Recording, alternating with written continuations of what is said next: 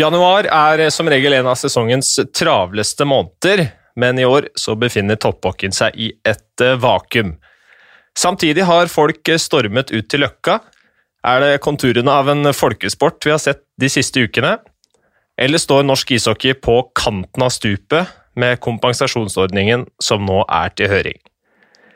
Det vi vet, er at det i hvert fall ikke skal bli spilt eh, VM i Hviterussland. Og endelig så åpnes det også opp for organisert idrett for barn og ungdom. Det er eh, mye vi har på menyen i dag. Eh, vi har fått inn veldig mange gode spørsmål.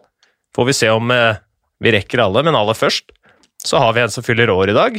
Eh, gratula gratulerer med dagen, Bjørn. Ja, Grattis, Bjørn. Ja, tusen hjertelig takk for det, Jonas. Takker. takker. Grattis. Nå er du Jeg veit ikke hva Vi har liksom kalt deg ringrev en god stund. Hva, hva, hva begynner vi å er, er vi å lukte på dinosaur snart? Nei, det er fortsatt det. Nei, nei, nei, på ingen måte. På ingen måte. Det er, eh, ja, vi holder ringrev i mange år til, eh, Jonas. Ja, ok, da skal vi gjøre det. Eh, Har du noen store bursdagsønsker, da? Nei, du vet hva, Jeg hadde egentlig bare håpa at det var mulig å få lov til å komme inn og se på treninger i hallen igjen, i og med at nå har jo barne- og ungdomsidretten fått åpne igjen her borte. Da hadde vi, vi håpa at vi skulle få lov til å stikke bort og se på litt treninger, for det er et savn å stikke bort og treffe noen andre pappaer og ta en kaffekopp og se litt på gutta trene, det er altså barna våre. og det det får vi fortsatt ikke lov til, eh, dessverre. Jeg har håpa på den bursdagsgaven i dag, men vi må nok vente enda litt til eh, på det, ellers så blir det ganske lugnt. Der har de jo løst det ganske bra på, på Ny Jordal, Jesper, med, med glassvinduene oppe på toppen her, så du kan Det er jo, se inn. det er jo panoramautsikt der oppe. Ja. Det er bare å gå opp, og så kan man se på alle som er Eller de få som er inne, da. Vi kan jo høre med dagens gjest da, hvordan livet på nye Jordal Amfi er. Martin Røymark, hyggelig å ha deg med. Takk for det.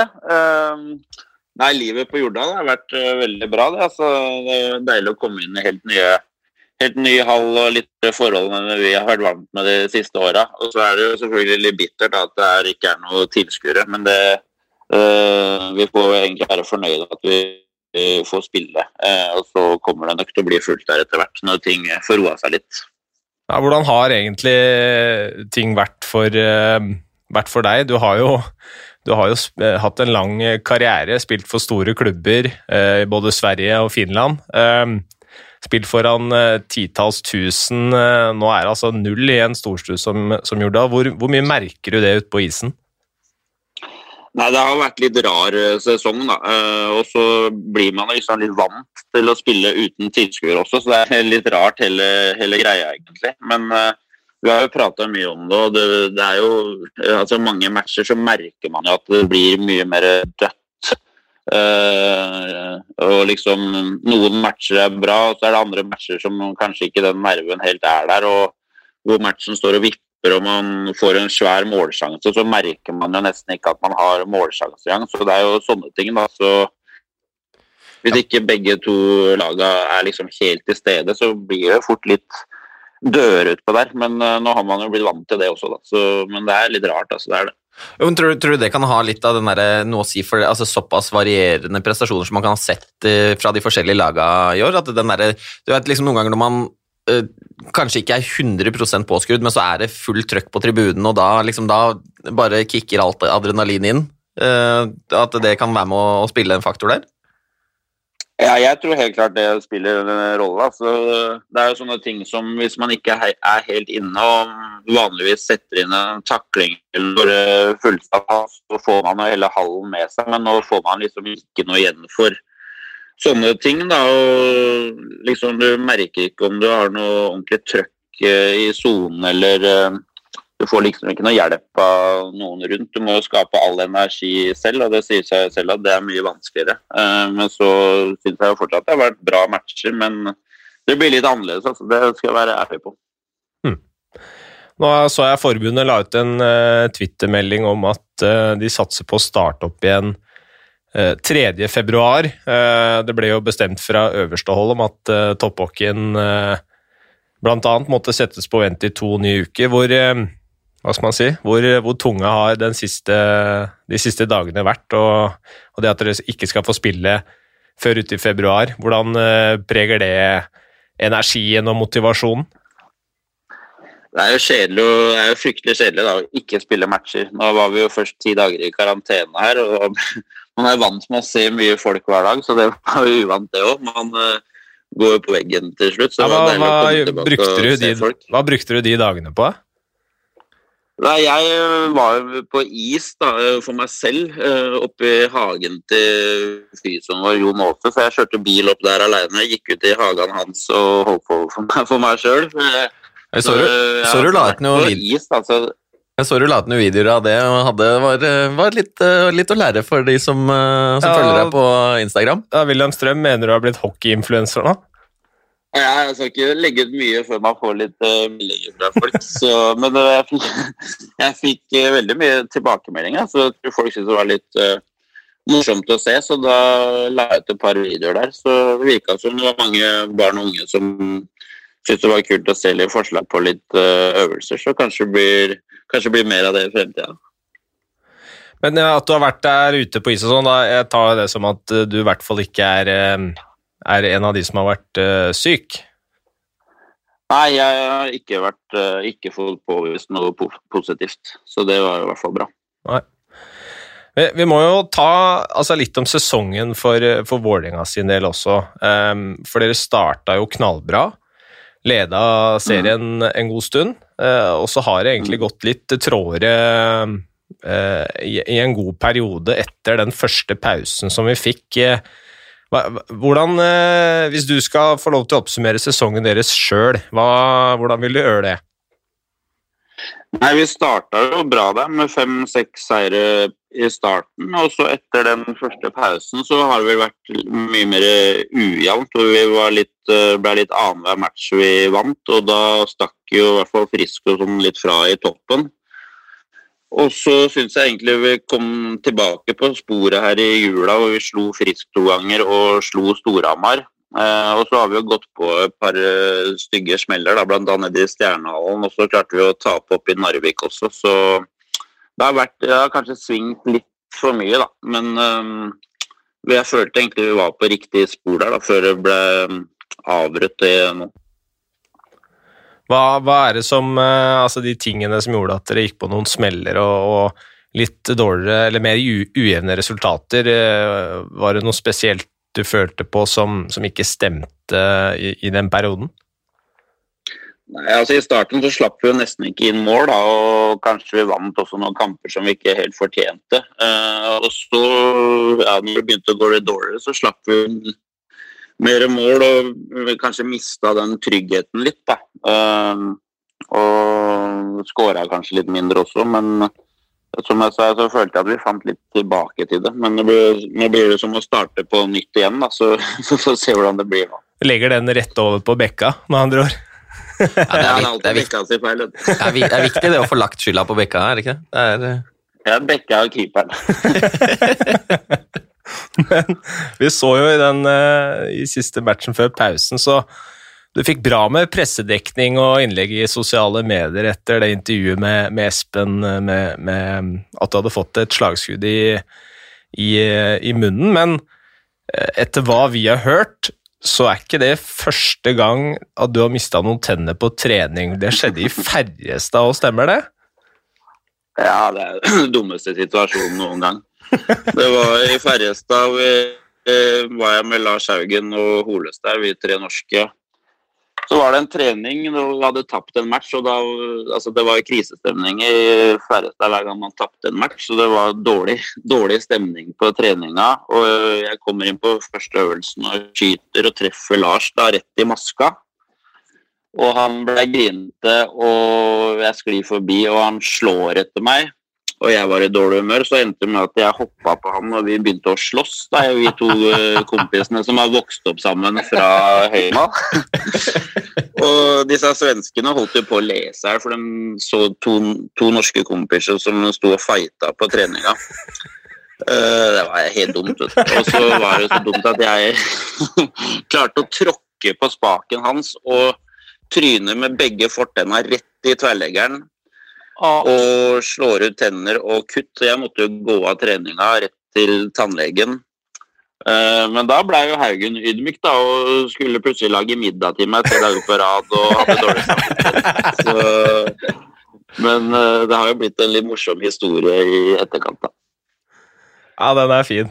Det er eh, ofte, eller det skjer jo innimellom, Jesper, litt tenning på trening. Ja, men det hører med det, og, og det er som, det er som Martin sier her, at eh, sant, har du tapt noen matcher, og det er, eh, man har, er, spiller et lag som skal vinne, så blir det fort uh, dårlig stemning, og da, da må man få ut litt, uh, få ut litt, uh, litt guffe på treninga. Men det er ikke Ja, noe Det var morsomt, da. De svenskene skjønte jo liksom ingenting da når vi, vi plutselig sto og sloss der, så det blei jo ble jo en morsom historie, da. Det er viktig med noen historier. Eh, Det er ikke noe Vi har jo gjort litt eh, forarbeid her. Eh, Vi skal ikke nevne noen navn, men, men vi har fått inn en, en del ting vi må, vi må spille deg opp på. Vi har annet hørt om at det er en sving på, på Abildsø som er, dømt, er døpt Røymarksvingen. Stemmer det? Ja, det stemmer, det. altså. Hva, hva er historien bak den, eh, det navnet? Nei, Vi hadde jo akkurat kommet opp på A-laget i Manglerud, da, jeg og Niklas Rost og med flere. Og jeg hadde jo akkurat blitt 18 og uh, fikk jo lappen med en gang. Og mutter'n og fatter'n dro på fjellet og satte igjen den ene bilen hjemme.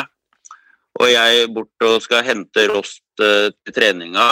Og så er det noen småveier borte på Abildsø der, og jeg skulle gasse på og sjekke meg der, og så var det jo speilblank is i enden av den ene veien, så jeg smeller jo rett inn i en lyktestolpe, og eh, hele panseret bøyer seg, og det var den krasjen. Og etter det så dømte jo Ross den til, om til uh, Røymarksvingen, da. Så mye dumme, mye dumme ting.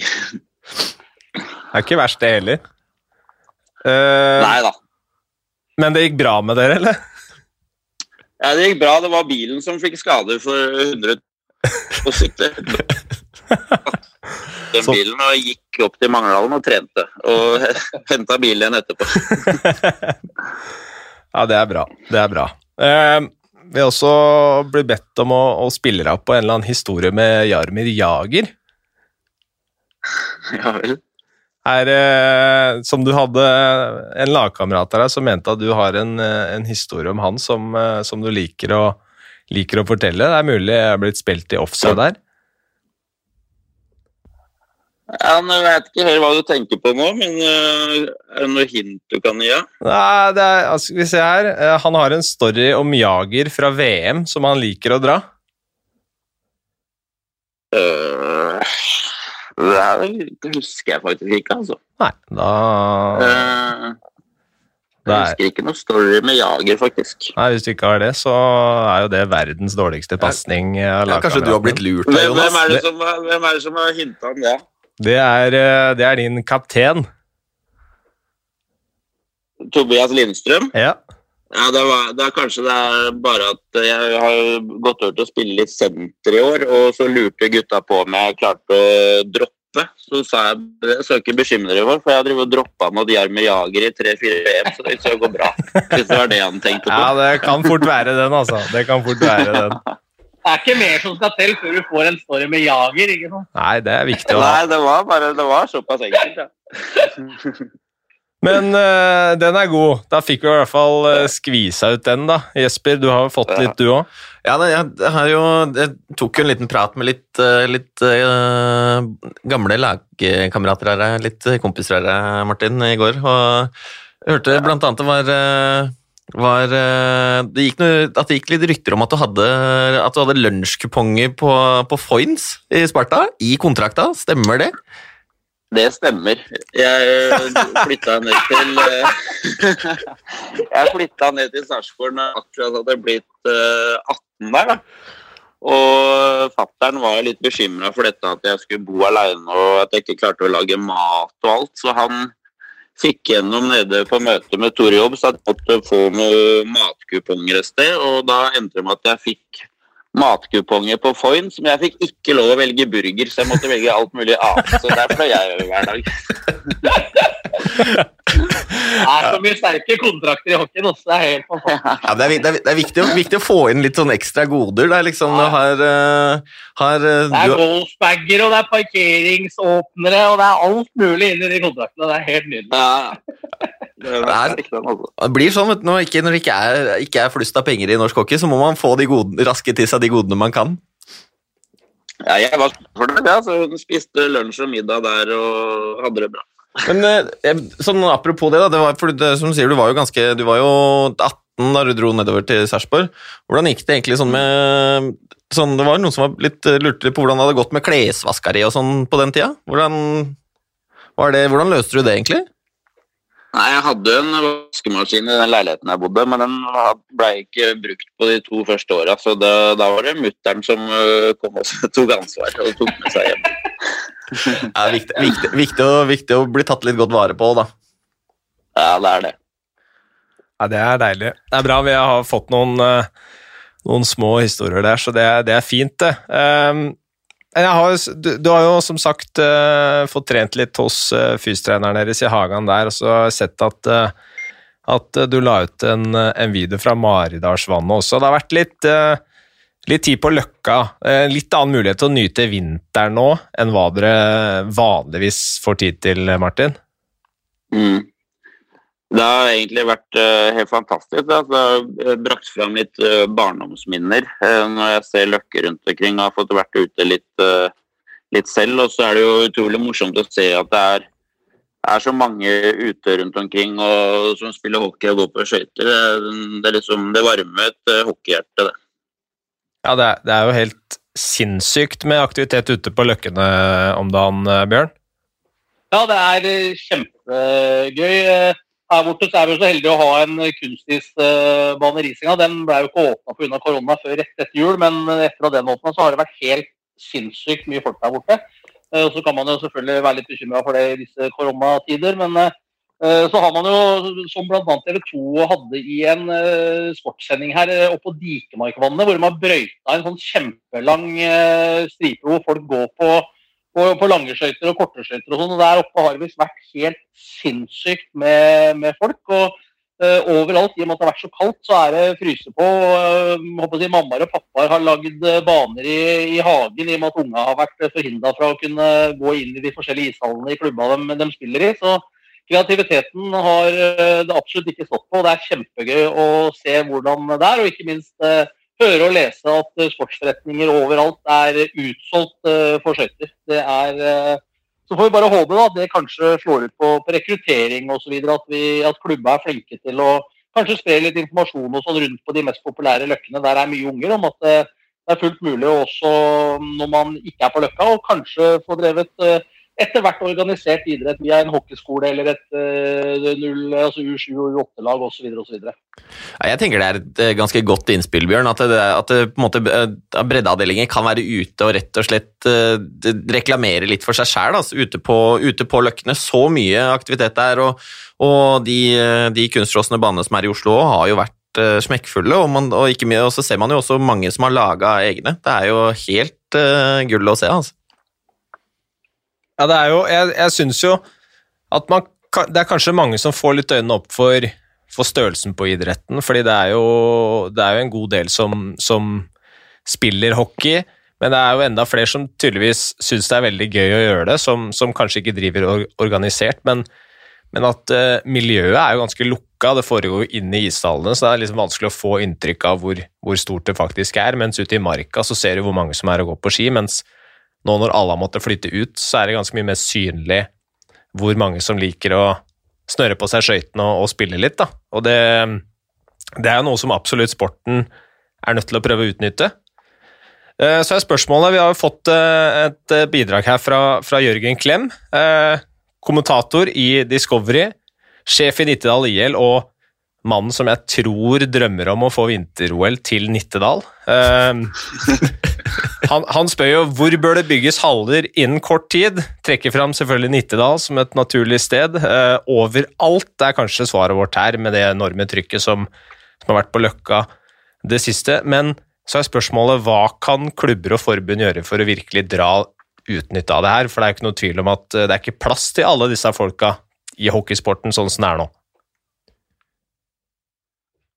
Ja, nei, det, altså, det, er jo, det, er jo en, det er klart dette er en veldig veldig viktig problemstilling, og det er jo ikke noe, det er ikke noe lett løsning på det, for da hadde man jo bare gjort det. Men, men det å få til flere Eh, altså Det kan være så enkelt som utebane. Se, altså Før Jar eh, fikk bygd sin ishall, så var det utebane der. Det var masse aktivitet der også. Det å starte med det samme på, på utebanen på Lillehammer, ved siden av Kristinshall, var utebane. Nå er den eh, blitt, det blitt en type sånn ungdomshall eh, der. Riktignok eh, av en eller annen grunn har blitt brukt som koronatestsenter, men det er en annen sak. Men det å få opp flere Uh, mindre haller som egentlig ikke har noe altså trenger ikke å ha noe særlig tilskuerkapasitet, bare de på en måte enkleste fasilitetene som er relativt rimelige å bygge også, og rimelige å drifte, må jo på en måte være målet. Få flere haller rundt omkring, og om det er uh, altså gjerne, som du sier, overalt, gjerne det, men altså, man må jo starte et eller annet sted, og sånn som denne aktiviteten vi har sett på, sett på sosiale medier fra Nittedal, så hvorfor ikke der? Mm. Og Jar er det faktisk utebane, utebane fortsatt, for å ha sagt det. Den utebanen er fortsatt på Jar. Den bygde hallen ved siden av, så har de flytta litt på det, og så har de satt opp den utebanen igjen. og Der er det masse aktivitet, eh, selv om ishallen ligger vegg i vegg. Så det er, eh, men sånn som i gamle dager, så var det jo isflater med vann og netting overalt. Jeg tror bare i Asker og Bærum så hadde vi en sju-åtte. Det var på Jutul, det var på, på Jar, som du sier, Jesper. Det var på Høvik. Eh, det var utebane på Holmen. Det var på gymnaset på Asker. Det var ute i Heggedal. Det var ute på Nesøya. Uh, masse uh, flater med kunstis, men med vant. Og, og, og, det var jo sånn kretsserie hvor, hvor de lokale Holmen, Eiksmarka, Jar Uter osv. Uh, hadde jo serier. Og, og, så er plutselig nå, er alle de banene borte. Jeg tror ikke det er én eneste bane med vant igjen i, i Asker og Bærum ute. Bortsett fra den på Jar. Jeg spilte jo, jeg, spilte, jeg har faktisk spilt kamp på, som junior på den utebanen i, i Jar. Så vi ja, spilte faktisk seriematch ute der når jeg var da U10 eller 12 eller hva det kan ha vært for noe. Ja, det husker, ja. jeg, husker faktisk jeg har gjort sjæl også. Da fikk vi, fikk vi, vi fikk toddy i pausen, for det var så, det var så kaldt. Så det var, ja, jeg har spilt man... masse på de banene sjøl òg, og på, på Hønefoss også. Der hadde du alltid én femmer i bilen til foreldra, for du spilte med to mm. femmer bilen, for det var altfor kaldt der oppe. Så bytta på å spille med to femmer, og så satt én femmer i bilen. Og det var jo gjerne om å få en ti minutter også, så fikk du varma deg litt til. Men uh, men, men nå er de, de, er borte alle sammen. Det er ingen igjen. Bortsett fra som sagt den og det er kjempesynd. Mm. Og Jeg er jo helt enig med Jesper. da, at uh, Selvfølgelig må vi få flere haller, men det er jo ikke arenaer vi trenger. Det er jo isflater som vi må ha flere av. og Kanskje det tar, uh, alt, altså, det tar, mange år før man får gjennom det å bygge en hall, men da må vi begynne med å ha utebaner og kanskje begynne med sånn Eh, naturis med vant rundt, og kanskje ta det videre til å få kunstis, som kanskje er neste steg på Nittedal. Og få spredd sporten rundt på den måten tror jeg liksom er nøkkelen, altså. Og, og, så kan man spørre liksom hvor er man trenger haller, og det, akkurat det der har jeg jo tenkt på mange ganger. Og for meg så er det liksom helt utrolig at det ikke finnes en ishall i Drammen, som er blitt en uh, stor by. Uh, og så tenker man jo alle, også på alle de byene oppover langs kysten, altså Molde og Ålesund og så oppover mot Bodø og sånn. Uh, det er masse potensial, men først må de jo få et sted å gå på skøyter, selvfølgelig. Mm. Ja, Bodø har vel hatt en hockeyklubb i kjempemange år. hvis ikke Jeg var faktisk i militæret en periode i Bodø i, på 90-91 eller hva det var for noe. og allerede da snakka de om at nå var ishallen rett rundt hjørnet. Det var et par ildsjeler som drev den hockeyklubben der oppe. og Nå var det like før. Uh, Men det er jo da nå 30 år siden, og det har fortsatt ikke skjedd noe. Og det som er poenget på, på, på, Vest, på Vestlandet som du prater om, Martin, er jo at hvis, hvis Ålesund eller Molde eller Kristiansund hadde fått en ordentlig hockeyhall, Mm. så er jo de så øh, si, skuende på hverandre at øh, de andre to byene skal ikke være noe dårligere enn den ene. Så hvis Molde hadde, fått, hadde tatt et kvarter før Ålesund og Kristiansund hadde fått, og omvendt ja, jeg har trua på at interessen hadde kunnet eksplodert der. På så værutsatte områder så er det jo perfekt å kunne gå inn i en ishall og drive med, med idrett der, liksom. Istedenfor å være ute i regn eh, ti dager i, i året.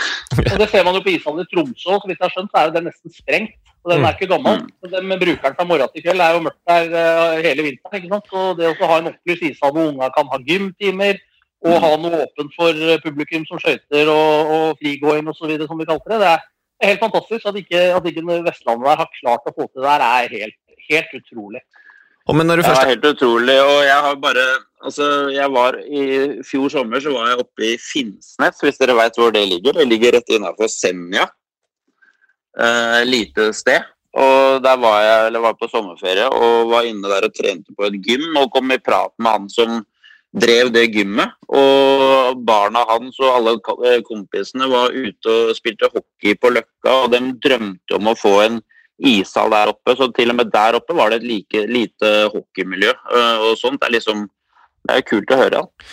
Ja, og, og eh, når vi først er oppe, oppe nord, altså, også, Martin, så med damene, altså Kirkenes Puckers eh, For de som Ja. har sett, eh, sett, på, på NRK-serien om dem, det er, de hadde også fortjent å få, en, eh, få tak over banen sin. altså.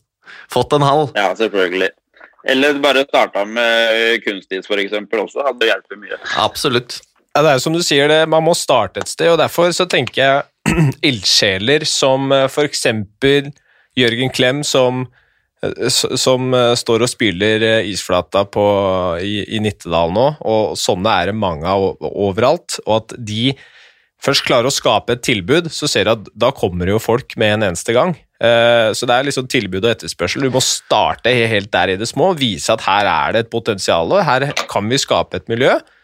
Og så må det være første steg for å få isflaten Absolutt, og så er det jo, er det jo måte, det er jo to måter å, å, å, å gjøre, gjøre det på. Det ene er jo på en måte at det er altså den lokale kommunen som skal bygge ishallen, og da må man jo på en måte få det opp på, på politisk plan og bli vedtatt i, i, i de altså ulike kommunestyrene for å få det inn som en type sånn offentlig investering, eller så må man jo ha da private aktører som er villige til å gå inn med de midlene, og det er jo kanskje det er ikke alle som har råd til det, da, for å si det sånn, men, men eh, det å få det opp på, inn til lokale politikere og opp i kommunestyret og få vedtatt og få i hvert fall bygd noen isflater, og selvfølgelig gjerne haller, det må man jo bare trykke på for i, i de lokalsamfunnene.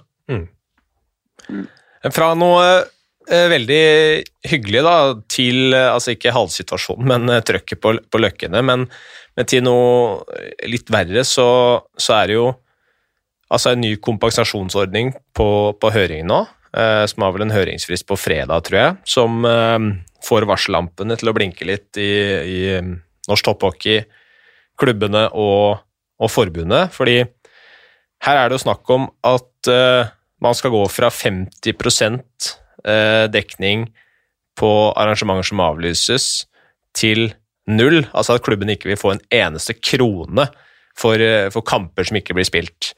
Eh, Det betyr potensielt, hvis du taper fire-fem hjemmekamper og serien går fra 45 til 36 matcher, så er det millioner tapt for enkelte klubber. Det er ganske dramatisk, Bjørn. Ja, og det som er utfordringa der, er jo noe av det som, som eh, også ble argumentert for når eh, VGs eh, skribent Welhaven også nettopp brakte det der til torgs. Og utfordringa er jo at kompensasjonsordning fra myndighetene er jo lagt opp på en sånn måte at skal man få kompensasjon, så må man gjennomføre. Og da får man jo den klinsjen mellom at man egentlig vil ha så lav, lav aktivitet som mulig pga. korona, i hvert fall i perioder sånn som det har vært nå, men, men da opp imot det at man får null kompensasjon ved at man ikke gjør det.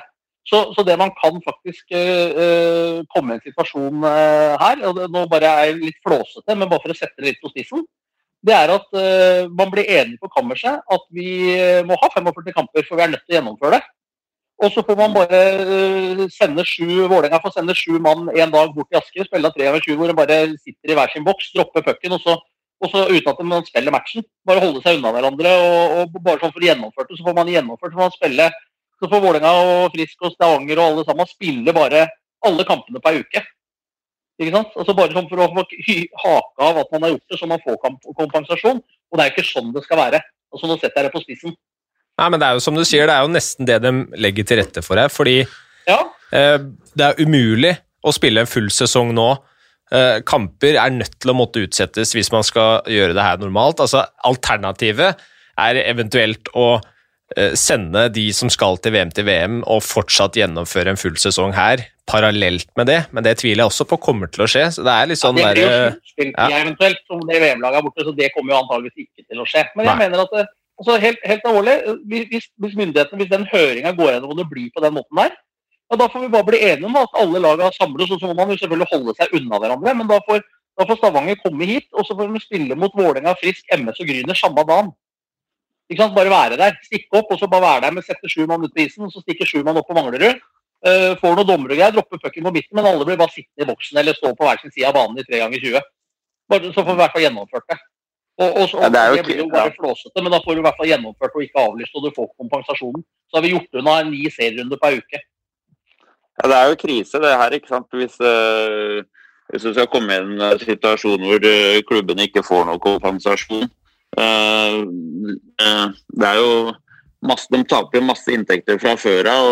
Altså, det er forskjellige størrelser på klubbene, selvfølgelig, men det her er jo faste arbeidsplasser uh, for folk. og det for, eh, kan få store konsekvenser. så i hvert fall Vi i Vålerenga er i hvert fall innstilt på å spille så mye vi kan, selv om det blir et uh, hardkjør. Men uh, det alle vil, er jo å spille hockeymatcher. Og så må man selvfølgelig høre på regler som blir satt, men uh, det sier seg sjøl at det er krise hvis det skal gå fra 50 til 0 i kompensasjon. Ja, jeg Og ser det, er derfor jeg eh, mener at man får bare, det er derfor jeg mener at man får bare ta 36 runder som tellende. Og så får de ni siste matchene bare være sånn tullekamper, Martin. Hvor dere bare møter, Ja. møter opp, som sagt. Altså bare sånn for å ha gjennomført det. Så dere får penger. Jeg vet det. Det høres jo nesten dumt ut, men da er det bedre å gjøre det sånn. ikke sant? Ikke sant? Men, eh, for det er så mye penger og arbeidsplasser det her er prat om. Det er ikke bare å liksom avlyse ting, fordi det går utover folk. og da Mange i den ligaen her har vært permittert i fem måneder i sommer også. og Folk som kanskje får det akkurat til å gå rundt. Det, eh, det er liksom eh, Man må se litt bak ting òg. Ja, det Ja, er altså fra myndighetenes side er jo å presse klubba til å gjennomføre noe de helst ikke vil gjennomføre. Både Ja. pga. rovdrift, pga. korona, pga. alt. ikke sant?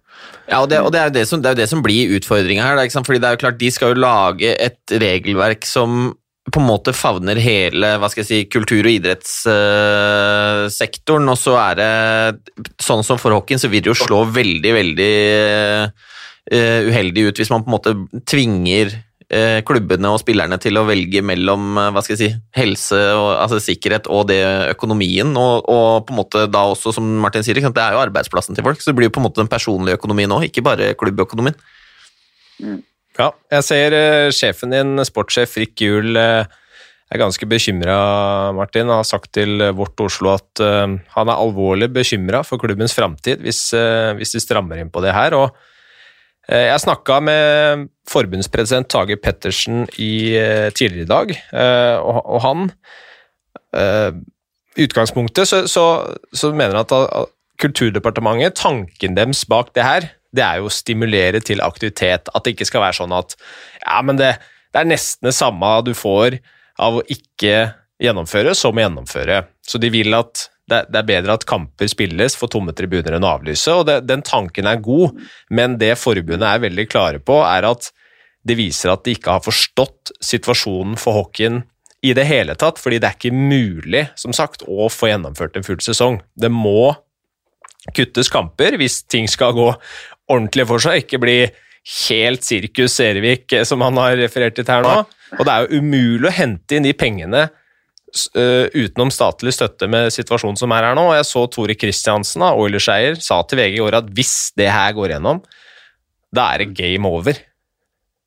Mm. Og det Jeg skjønner ikke hvordan klubbene plutselig skal hente inn de pengene der. Tror det er vanskelig nok fra før av å få inn kroner. Nei, og i hvert fall i en, for, for noen idretter hvor eh, man har eh, gjennomført alt. Det er ikke sånn at eh, hockeyen har eh, avlyst masse bare for å sitte og håve inn penger. Eh, og at det, det har vært en ordning som, som gjør at man i hvert fall kan overleve situasjonen, og så skal plutselig dødsstøtet komme så seint i sesongen, Mm.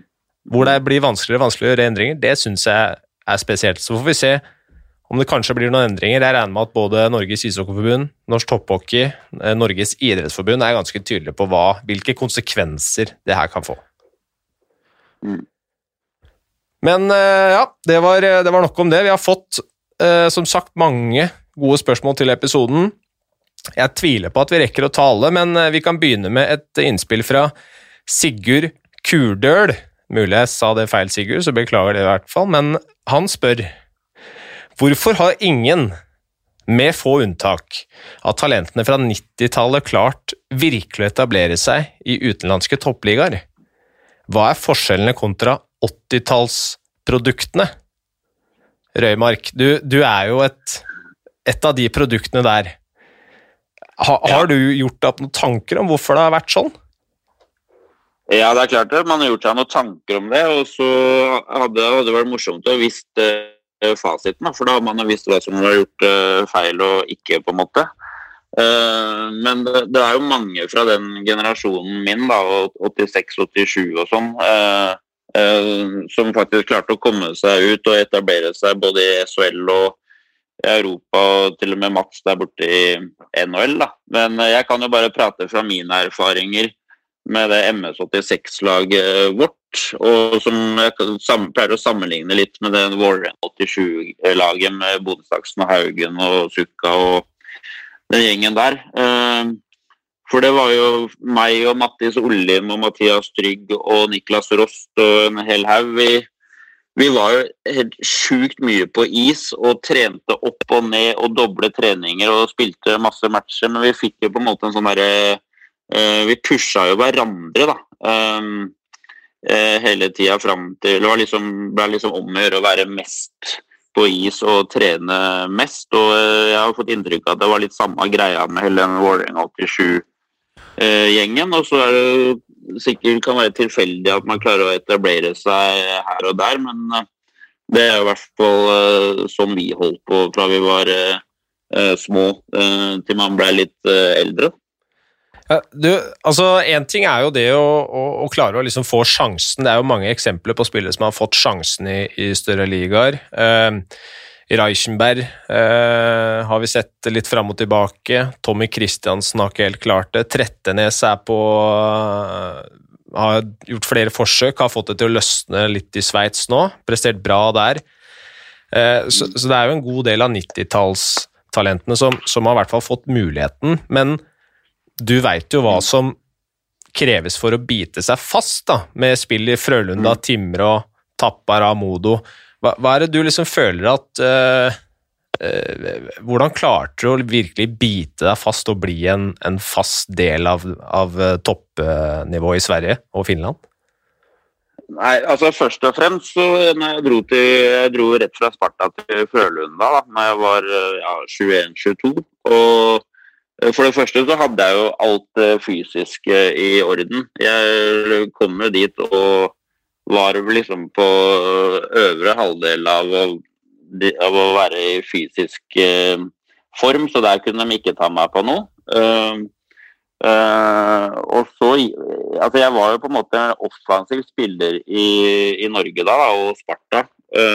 Men så ble jo konkurransen veldig mye tøffere når jeg kom dit. Og for å slå seg inn da i de to-tre øverste rekkene i et SHL-lag, så skal du være altså landslagsaktuell for eh, de store nasjonene, som Sverige og Finland og Tsjekkia og alt. Så det blei jo på en måte litt for tøft for meg, men da klarte jeg å ta en annen rolle da, i tredje-fjerde rekker og gjøre den jobben jævlig bra. Og det var noe de satt skikkelig pris på. Og jeg kan jo kanskje sammenligne meg selv litt med Roselli Olsen, som har tatt litt samme rolle mm, i Frølunda og vært der i sju-åtte år, og han er de jo knallfornøyd med, liksom. Så jeg måtte jo bytte litt uh, spillestil, men jeg måtte gjøre det som, som uh, måtte til for å kunne ta en litt annen rolle, da.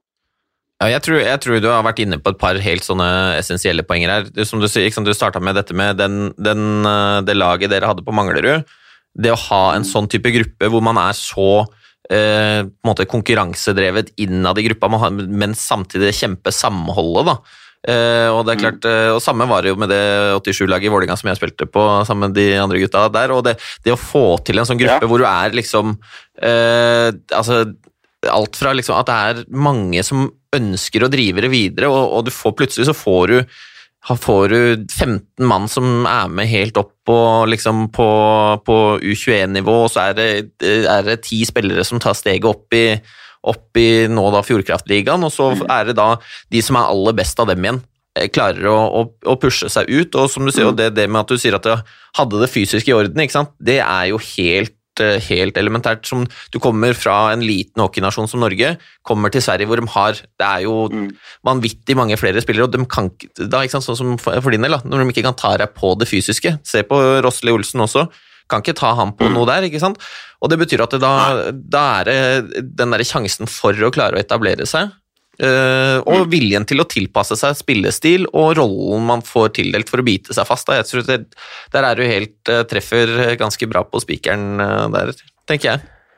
Ja, og du kan jo bekrefte, du som var en del av det Vålerenga 87-laget i oppveksten, og dere hadde jo også bra trenere med faren din og Frank Dahlstrøm, og var jo veldig mye på is og alt. Og vi hadde jo John Trygg og Jan Ollim eh, som trenere, og faren min var selvfølgelig litt med. og Det hjelper, det hjelper jo da at de kanskje visste litt hva som eh, må til også, da. Det er ikke noe å legge skjul på det. Men er det eh, hockey en, en idrett hvor det er vanskelig å bli god aleine? For vi ser jo Kan det ha blitt et mer etter hvert litt sånn individuelt fokus på stickhandling? Vi ser videoer av folk som holder på hjemme, har kjøpt uh, sånne pilloner og alt mulig i hytt og pine, og liksom ferdighetsmessig uh, uh, Kølleteknikk, skudd, individuell styrke, hastighet osv. Det er ting du kan jobbe på aleine, men som du er inne på, Martin, det å ha en gruppe man kan trene med, det er kanskje det du må ha for å bli en god hockeyspiller. Det å klare å liksom få, alt, få uh, levert ute på isen, da. Jeg tror det, altså, det sitter mye i huet. Altså, uansett hvor bra teknikk og skudd du har, så du, hvis, hvis du taper hver duell ute på isen, så kommer du aldri til en målsjanse. Men hvis du har halvparten så bra ferdigheter, men vinner hver eneste én-mot-én-duell, så det er det som er spesielt med hockey, at det er fysisk, eh, fysisk inne i bildet som har veldig mye å si. Ja, og det, også tror jeg altså det der med som du nevner, Jonas, det der med å ha den gruppa, det der, den, den eh, prestasjonsgruppa som driver hverandre framover altså, jeg, jeg bare tenker sånn, Hvis jeg husker litt tilbake til eh, da vi gikk på, på Vang, Martin, og om det, var, om det spilte ikke noen rolle om det var at vi spilte fotball til oppvarming ute, eller om det var på isen, eller det, om det var i styrkerommet altså det var jo, Alt var konkurranse hele tida, og det var jo fullt trøkk, og det var jo altså, det var jo grisetaklinger på fotballbanen, og det var uh, Altså, det var, det var, det var alt mulig, da. Og det, det tror jeg var liksom med å løfte, løfte alle sammen, da. Ja, det var konkurranse hele tida. Jeg husker vi hadde, skulle ha drilleparty oss eh, elevene mot lærerne. Og Christian Gilbert kommer utpå og skal dra noe finte, mens bondsaksen treffer han knallreint rett i brystet, og Gilbert lander på nakken. Og Gilbert var så grinete det han ikke prata på en uke, men eh, de andre syntes det var jævla moro, da. Men der har du også et, et, et godt poeng, for der, der sa du Jesper, du sa da vi gikk på Vang, da samla de jo dere Oslo-gutta på Vang. Du hadde Lillehammer, og du hadde altså NTG Lillehammer, og da hadde du NTG Asker, hvor eh, Mats Bovim, Robin Dahlstrøm, Henrik Ødegaard eh, og, og med flere. Eh, og det er en sånn, Jeg skal ikke kalle det brannfakkel, men dere snakker om liksom med gode grupper. Mens nå så har, finnes det jo knapt en klubb med respekt for seg sjøl som ikke har et eget hockeygymnas. Men, men det betyr jo med andre ord at, at eh, hva skal jeg si for noe, at kvaliteten sammenligna med for en 15 år siden, da, hvor, hvor de aller fleste enten gikk på Lillehammer, i Asker eller på Vang i Oslo, nå går i sin egen klubb og kanskje fortsetter da med den egne gruppa. Totale kvaliteten på treningshverdagen var høyere når gymnasene var færre. For vi har dessverre kanskje ikke så mye gode spillere at den kvaliteten har man klart å opprettholde. Så det er langt flere kan du si, da, fra egen klubb, på godt og vondt, som på en måte får, får lov i hermetegn å ta steget fra U16 opp på hockeygymnaset sitt, for å si det på den måten. Mm. Og Det er en, eh, en, eh, en tanke som, eh, som, eller, som- kanskje er med å, å, si, å si noe om det dere akkurat sier nå. da. For 87-generasjonen ble jo delt i to. Halvparten gikk vel til Asker, og halvparten var igjen i Oslo. Og så hadde du et bra miljø på, på Lillehammer også, mens Mens, mens nå så, så, blir på en måte de beste stjernespillerne den blir igjen i Fredrikstad. De beste Stavanger-gutta blir igjen i Stavanger. De beste på Hamar blir på Hamar, de beste på Lillehammer på Lillehammer, de beste i Asker i Asker, osv. osv. Mm. Det er kanskje godt å se, Martin, at uh, det er noen tenåringer som leverer ekstremt bra i, i ligaen uh, for tiden. Ja. Uh, jeg tenkte, Bjørn, vi, vi, vi, vi snakka litt om det her, at det hadde vært kult å liksom ta en prat om, om spillere som man ikke trodde skulle være i ligaen da, så lenge. Ref 90-talls talentene osv. Og, så og jeg må jo si kanskje den, den mest soleklare kandidaten av hva man trodde skulle til utlandet og ha, hadde aller størst potensial. Han står i mål for dere, Remark? Ja. Det Nå hakka det litt. Ja, det stemmer det. Søberg eh, han kunne jo Altså, han har jo et øverste nivå som er mye bedre enn en eh, Fjordkraftligaen, han. Men uh, ja, Det her får han svare på selv, men uh, jeg tror han syns det er moro å være her òg. Men at han kunne vært god nok for å være et annet sted, det er ikke noe tvil om. For jeg har aldri sett maken til en som stenger igjen døra like mye i VM-matcher mot Sverige, Russland, Tsjekkia og alle de der. Da, da har han vært helt, uh, helt syk å se på. Og så er Det jo liksom det som, det som jeg tenker i, i dette her, og som er viktig at uh, folk rundt også forstår, er at det handler det er ikke bare bare å flytte av gårde et eller annet sted og, og lykkes. For altså Det å lykkes krever også, på en måte, om det var for din del, Martin, om det var i Timrå eller om det var i Frølunda altså det der, den der, du må trives utafor isen også, og ting i livet må være litt, uh, litt på stell for at du skal uh, at du skal eh, lykkes også på isen. Det handler ikke bare om ferdigheter eller innsats, det er liksom den der hele den der eh, tilstanden i livet, da. Mm. Ja, det går ikke an å levere noe bra hvis du ikke trives utafor. Sånn er det vel i vanlig jobbsammenheng også. Hvis du må flytte av gårde for en du har fått deg en jobb og ikke trives eh, der, så klarer du ikke å prestere like bra på jobben. Så det er klart det der henger jo veldig mye sammen. Mm. Bjørn, har vi noen flere eh, spillere som, eh, som vi ser, finner i Fjordkraftligaen som man, man, trodde skulle ta steget ut? Det er jo mange som har vært ute og som har kommet tilbake igjen. Uh, ja, det er sant. Altså, uh, vært inne på generasjoner. altså 92-93, som du Jonas kjenner godt, og for så vidt uh, jeg også.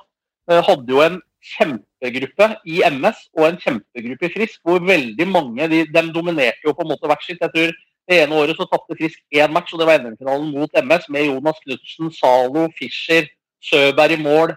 Eh, Lars Bolden er vel 92. Eh, eh, Ole Daniel Setsås. Eh, Frisk hadde Nicolai Andresen. Frøse han eh, Emil Frøse. Som har gitt seg. ikke sant? Som har gitt seg. Eh, Thomas Valkolsen, Gynter som har gitt seg, Jens Ulrik Bakker, Mikael Haga. Altså, det var to, to uh, lag der som på en måte dominerte, og, og, veldig mange av dem tok jo steget opp i Fjordkraftligaen. Uh, men det uh, og de hadde jo da hver sine gode grupper oppover hele veien, og mange av dem har jo på en måte spilt på høyt nivå. Olden har spilt i i eh, topphockey i Sverige. Eh, Thomas Holk Olsen har spilt i Eliteserien eller SHL for Leksand. Haga er i, i, i SHL med, med Ugården. Søberg var jo drafta i, i, Washington. Lillebror Søberg, som jo for så vidt også var med å spille litt i det laget, fikk jo matcher på, på SHL-nivå for, for Frølunda, hvis jeg ikke tar feil. Men, men, men, det har liksom ikke, med unntak av Haga, da, som fortsatt er på det, på det høyeste nivået, så, så har man måte kommet hjem igjen. Nå er jo noen hjemme akkurat i år. Eh, Olden, Thomas osv. ville antageligvis fortsatt vært ute, hadde det ikke vært for den eh, situasjonen som er ute med, med korona. Men, men, mange har på en måte kommet hjem igjen og, og, ikke lykkes helt. Om det er fordi man kanskje er litt utålmodig, og som Martin har vært inne på. Kanskje i hvert fall for en type som, som Thomas, som jeg kjenner veldig godt. Det er klart at For mm. han å ta en sånn tredje-fjerde-rekkerolle basert på den typen han er, det tror jeg kanskje mm. hadde vært vanskelig for han. Uh, jeg tror ikke han hadde på en måte håndtert det like bra som på en måte kanskje hele sitt liv har blitt målt, tror han sjøl, på antall skåringer han leverer.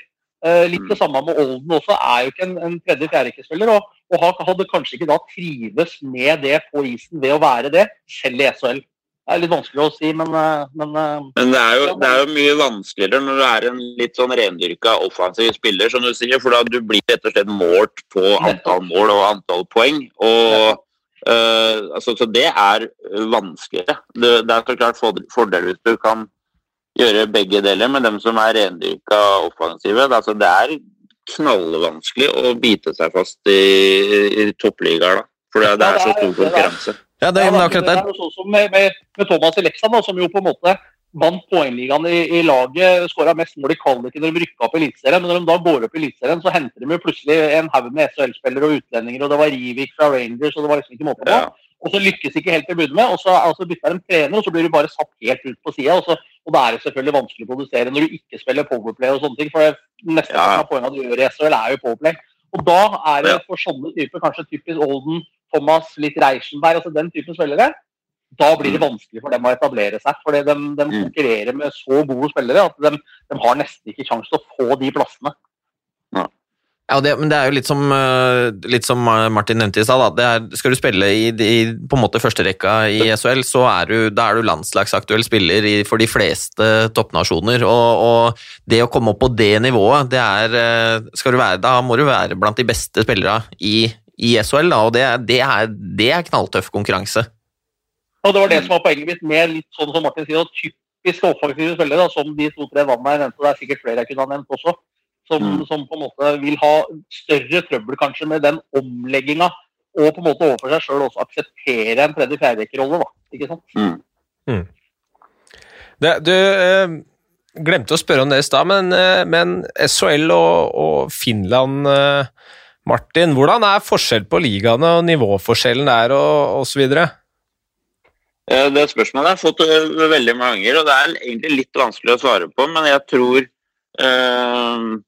altså, Jeg var jo i Tappara, og akkurat det laget jeg var på det året der, er nok det, uansett det beste laget jeg har spilt på, uansett om det er eh, i Sverige eller, eller eh, Finland. Så laget vårt hadde, jo garantert ligget i toppen i SHL også, men så tror jeg Um, at det er nok litt bedre bredde i Sverige og litt jevnere liga. Det er litt mer forskjell på topp og bunn i Finland enn, det, enn det det er i, i Sverige. Altså, I Sverige er lag nummer 14 uh, noen prosent dårligere enn lag nummer 1, nesten bare.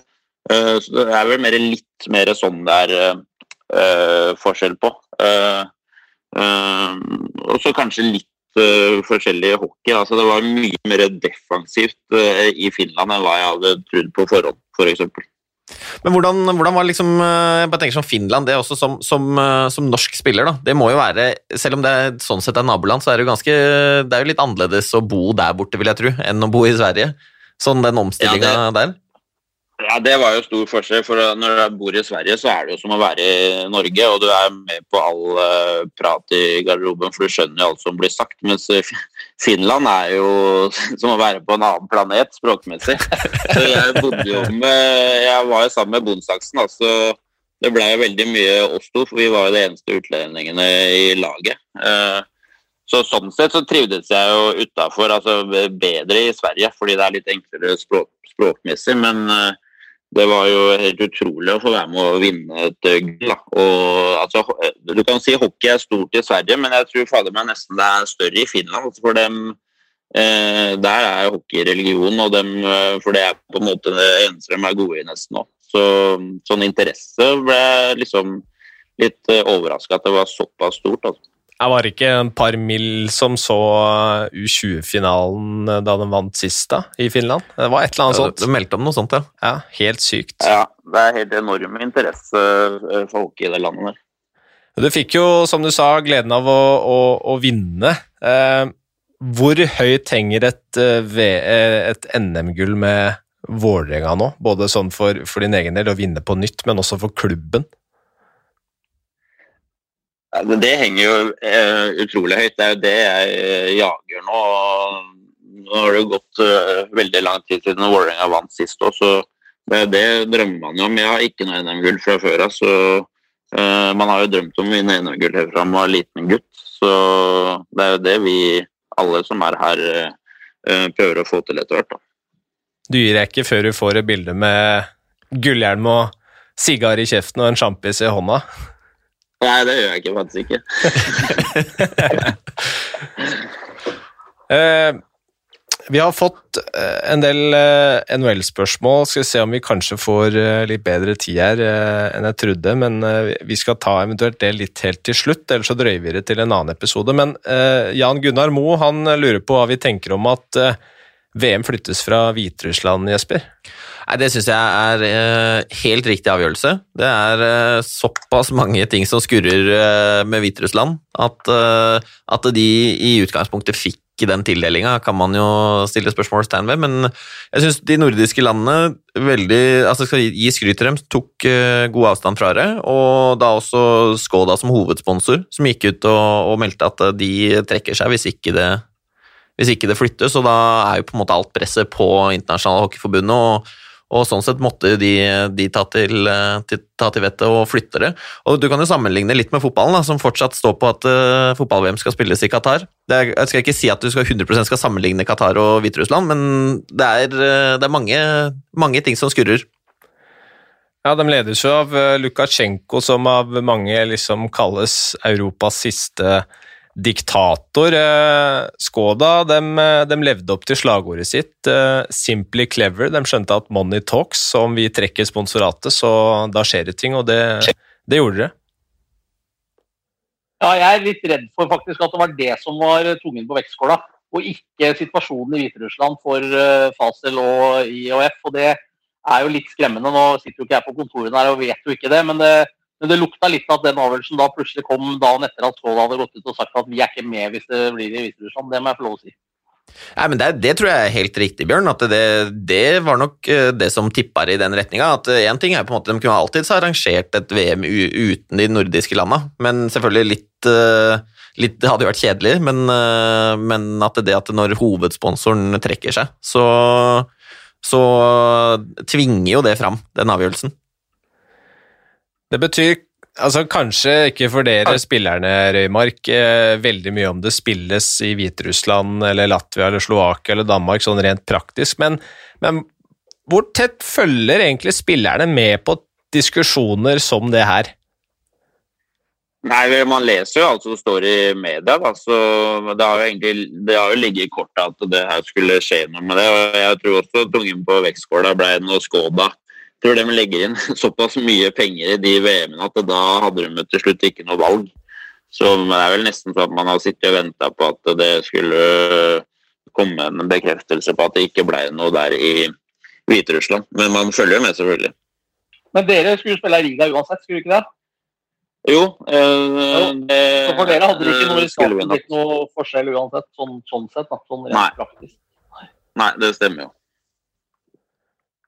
Det er jo eh, VM eh, Jeg føler det bare blir liksom tøffere og tøffere, og det, det handler jo først og fremst om å beholde plassen. Hvor, hvor, hvordan føler dere spillerne på, på det presset før, før, mesterskapene?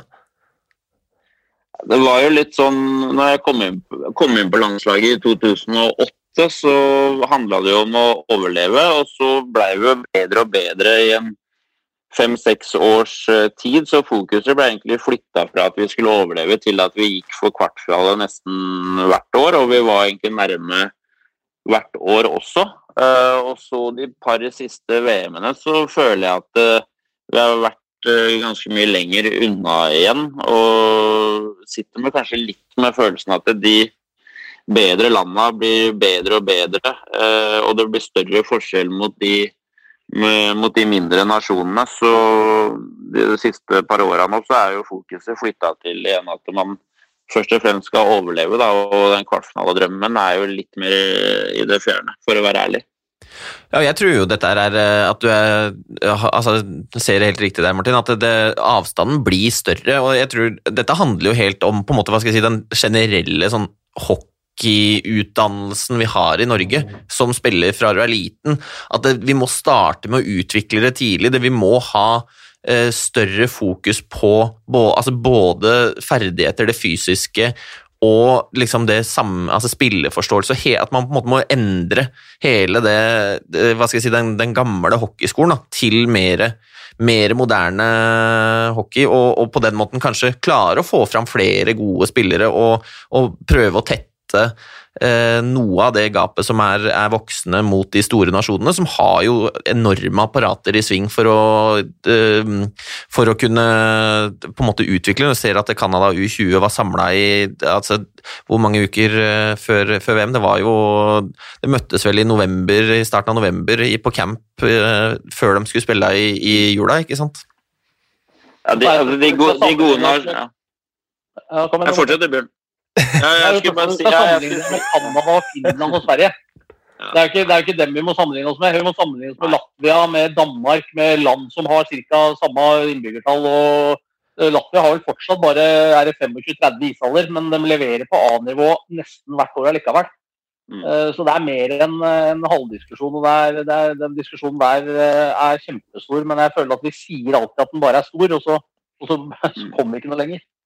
Nei, det er helt riktig. Vi skal ikke sammenligne oss med de toppnasjonene. fordi altså, Det er på helt, altså, en helt annen verden. De, de, har altså så mye spillere å velge av. og det er sånn Vi spiller ofte treningskamper mot de her eh, Sverige, og Tsjekkia og Russland og de her før VM. og da stiller dem, Det er kanskje to spillere fra de troppene som er med i VM. og for å være ærlig, så er de laga vi møter da, er nesten bedre enn de VM-laga deres. Altså for da har de med 20 mann som er litt yngre og er punche, så det er jo nesten verre å spille de treningskampene for VM enn VM-kampene.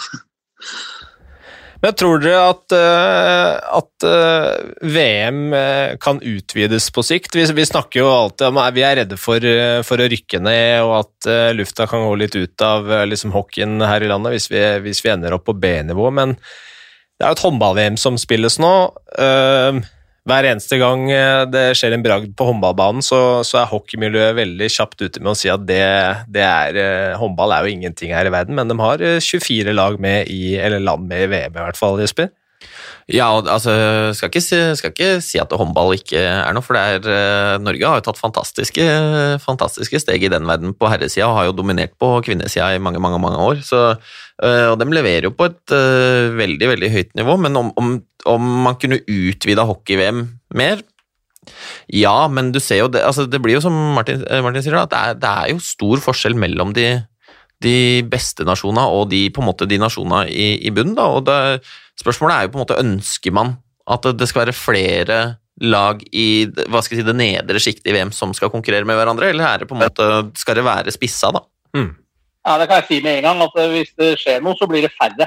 Eh, Jonas, for det har allerede vært diskutert at det er de beste nasjonene syns det er for mye kass med i, eh, i VM. At det blir 10-0 og 11-1 og sånn, og at det er for mye, dårlige, for mye dårlige matcher. At VM da tar så lang tid. Fordi at de beste lagene må spille mot for mye dårlige lag. og det, Jeg er faktisk redd for at det, det blir i hvert fall ikke flere, snarere tvert imot. Det er litt samme diskusjon, det er litt samme greia vi har snakka litt om her hjemme også. Hva er egentlig, Hvor mange lag burde det være i i øverste ligaen her for, eh, for herrer. Eh, burde det økes for, å, for, at det skal være mer konkurranse for de dårligste, eller burde det kuttes for å spisse det enda mer?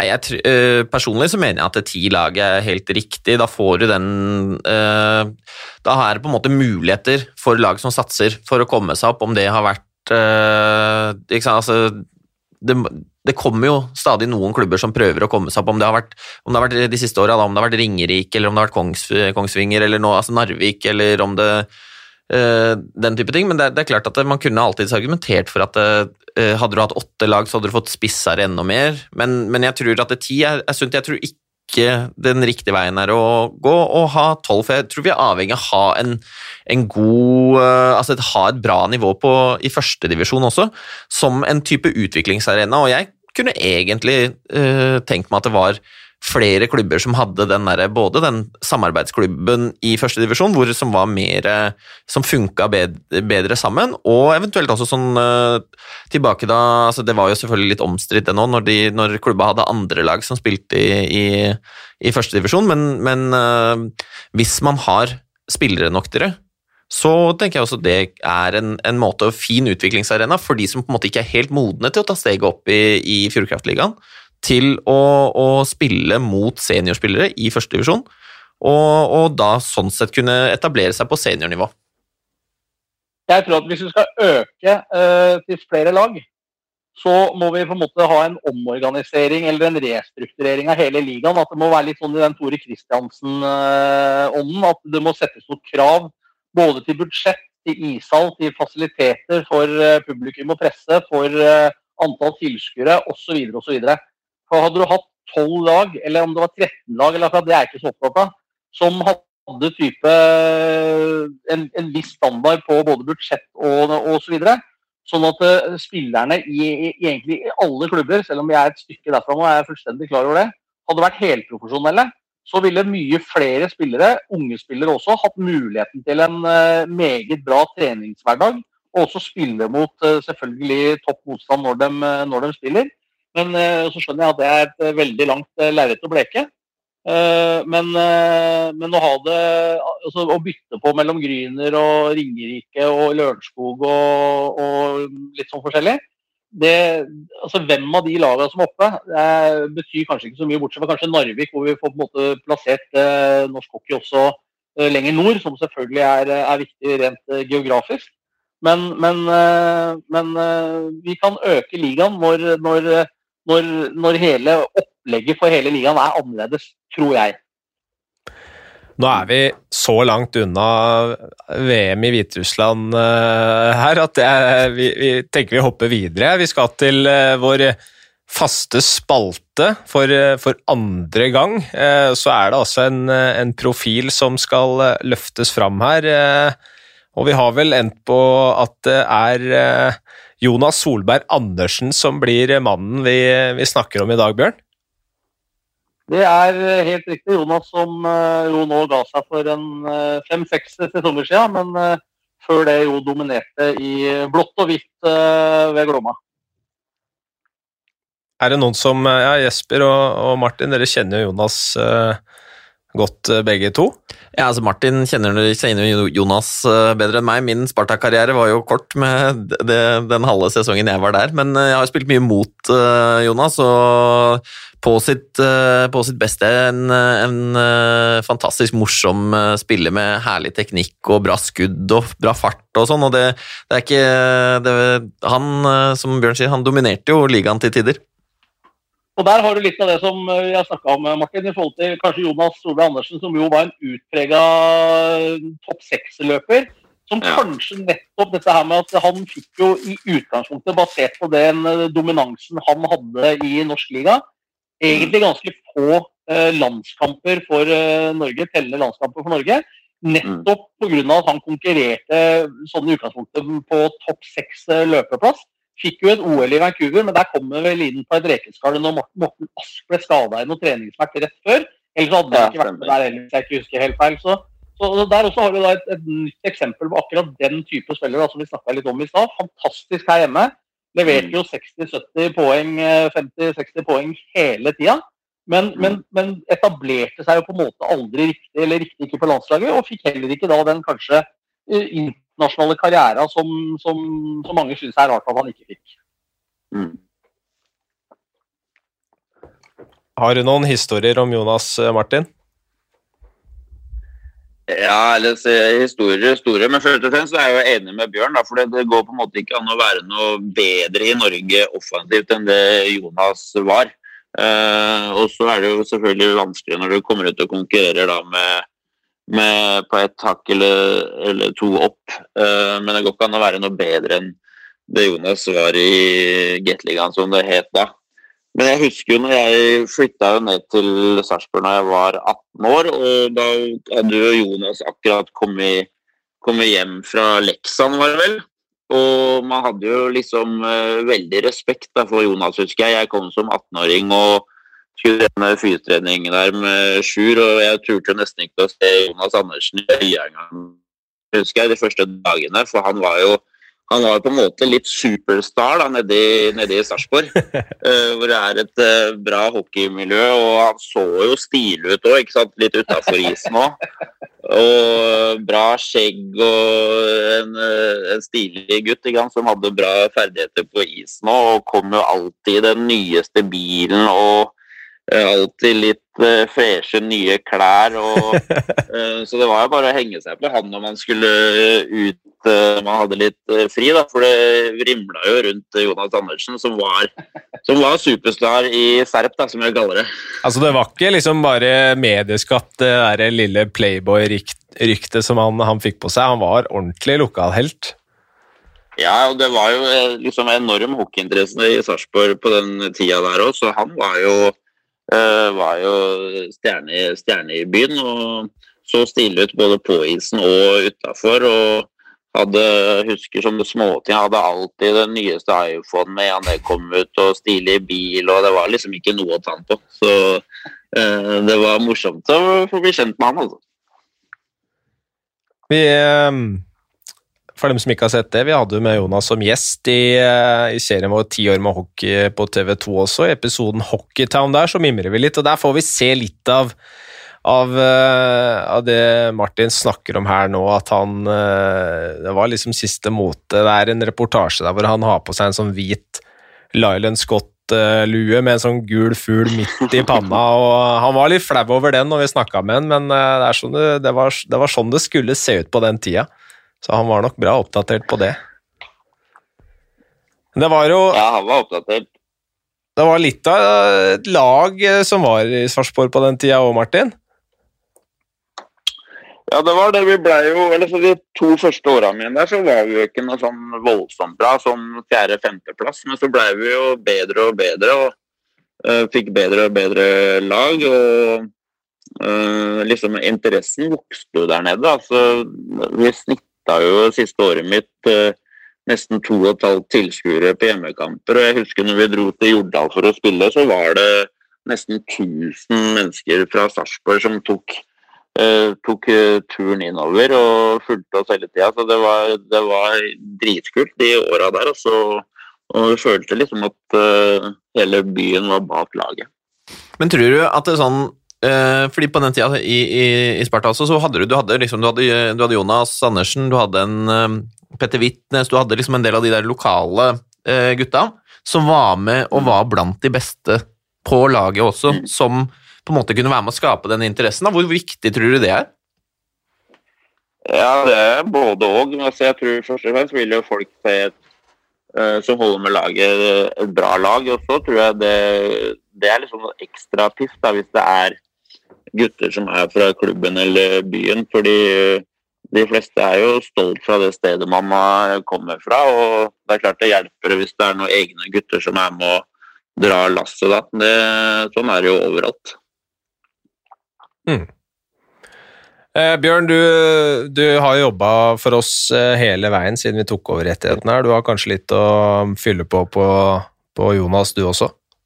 Nei, det er jo, det er jo som, eh, som, eh, Martin sier, han framstår jo alltid som på en måte, hva skal jeg si for noe, en, en eh, fresh fyr både på og utenfor isen. Og, og, han hadde jo litt de der superstar-nykken også. Det var jo ikke noe tvil om at motstanderen visste at man skulle være litt ekstra på den. Også, for Han hadde jo noen sesonger der hvor han, hvor han på en måte blei jævla grinete. Og, og når, når, han blei sånn, så ble han jo ikke noen god hockeyspiller heller.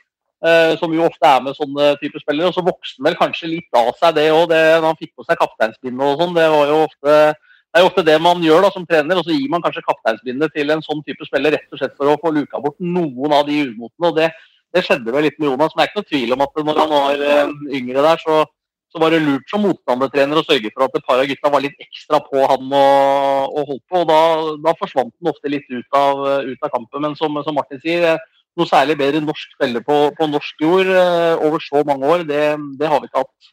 Nei, også må jeg, jeg må legge det, Apropos det der å se stille ut av det, eh, sånn, og det husker jeg fra, fra jeg var der, òg, at det, eh, det er ingen, ingen, som hadde en så skinnende gullhjelm som, som det Jonas Andersen hadde. Nå kom jeg faktisk på en ting jeg glemte som er, er litt typisk han. da, fordi han skulle alltid ha litt annerledes uh, enn alle andre. ikke sant? Så det var vel, vi hadde vel, Alle på laget hadde vel uh, CCM-køller og utstyr der. Og da hadde Jonas de sånne blå Easton-køller, da. For han skulle ha noe eget. ikke sant? Og så endte, sesongen etter så hadde jo plutselig ti-tolv stykker uh, Easton-køller på laget. Da skulle han plutselig ha Bauer-køller, da. uh, og så hadde vi Bauer året etter, og da skulle han plutselig ha CCM, da, så han måtte alltid ha en egen variant. Han kunne ikke ha likt som alle andre. det er viktig, det, da. Tenke litt sånn òg. Du skal være synlig på isen. Ja, så Det handler jo om å ja, føle seg bra på isen. Ja, ja, da, da, får bygge, har du, da får du den der selvtilliten du trenger. Og, så, og da, sånn som for hans del, så leverte han 60 poeng, da. Det er mye motivasjon i bra, fint utstyr, vet du. Ja.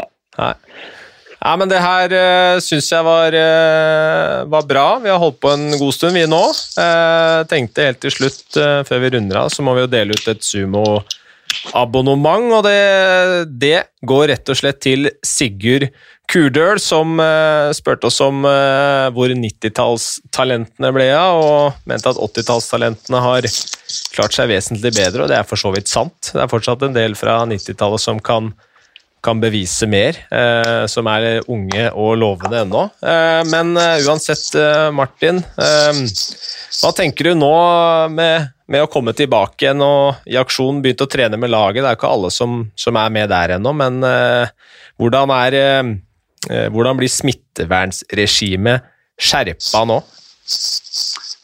Nei, det er jo selvfølgelig skjerpa igjen litt, da, men jeg må bare, nå prater jeg bare på vegne av oss. og Vi har vært veldig flinke hele året og følt oss veldig trygge hele veien. og Folk på laget har vært utrolig flinke til å ikke være sammen med andre. og alt mulig sånn. Så vi føler oss i hvert fall eh, helt trygge. Og så håper jeg at man kan komme igjen så fort som mulig. Eh, for man savner jo å spille kamper. Det er derfor man driver med det her. Det skjønner jeg godt. Uh, tusen takk for at du var med oss, Martin, og har delt noen fine historier også. Det setter vi stor pris på. For dere i Vålerenga har lykke til videre med sesongen, og takk til alle sammen for for gode spørsmål. Vi er tilbake om eh, to uker. Det er faktisk 3. februar. Da skal jaggu meg hockeyen begynne å rulle igjen også. Eh, etter planen, i hvert fall. Får vi se hva som skjer fram til den tid. Takk for at du hørte på.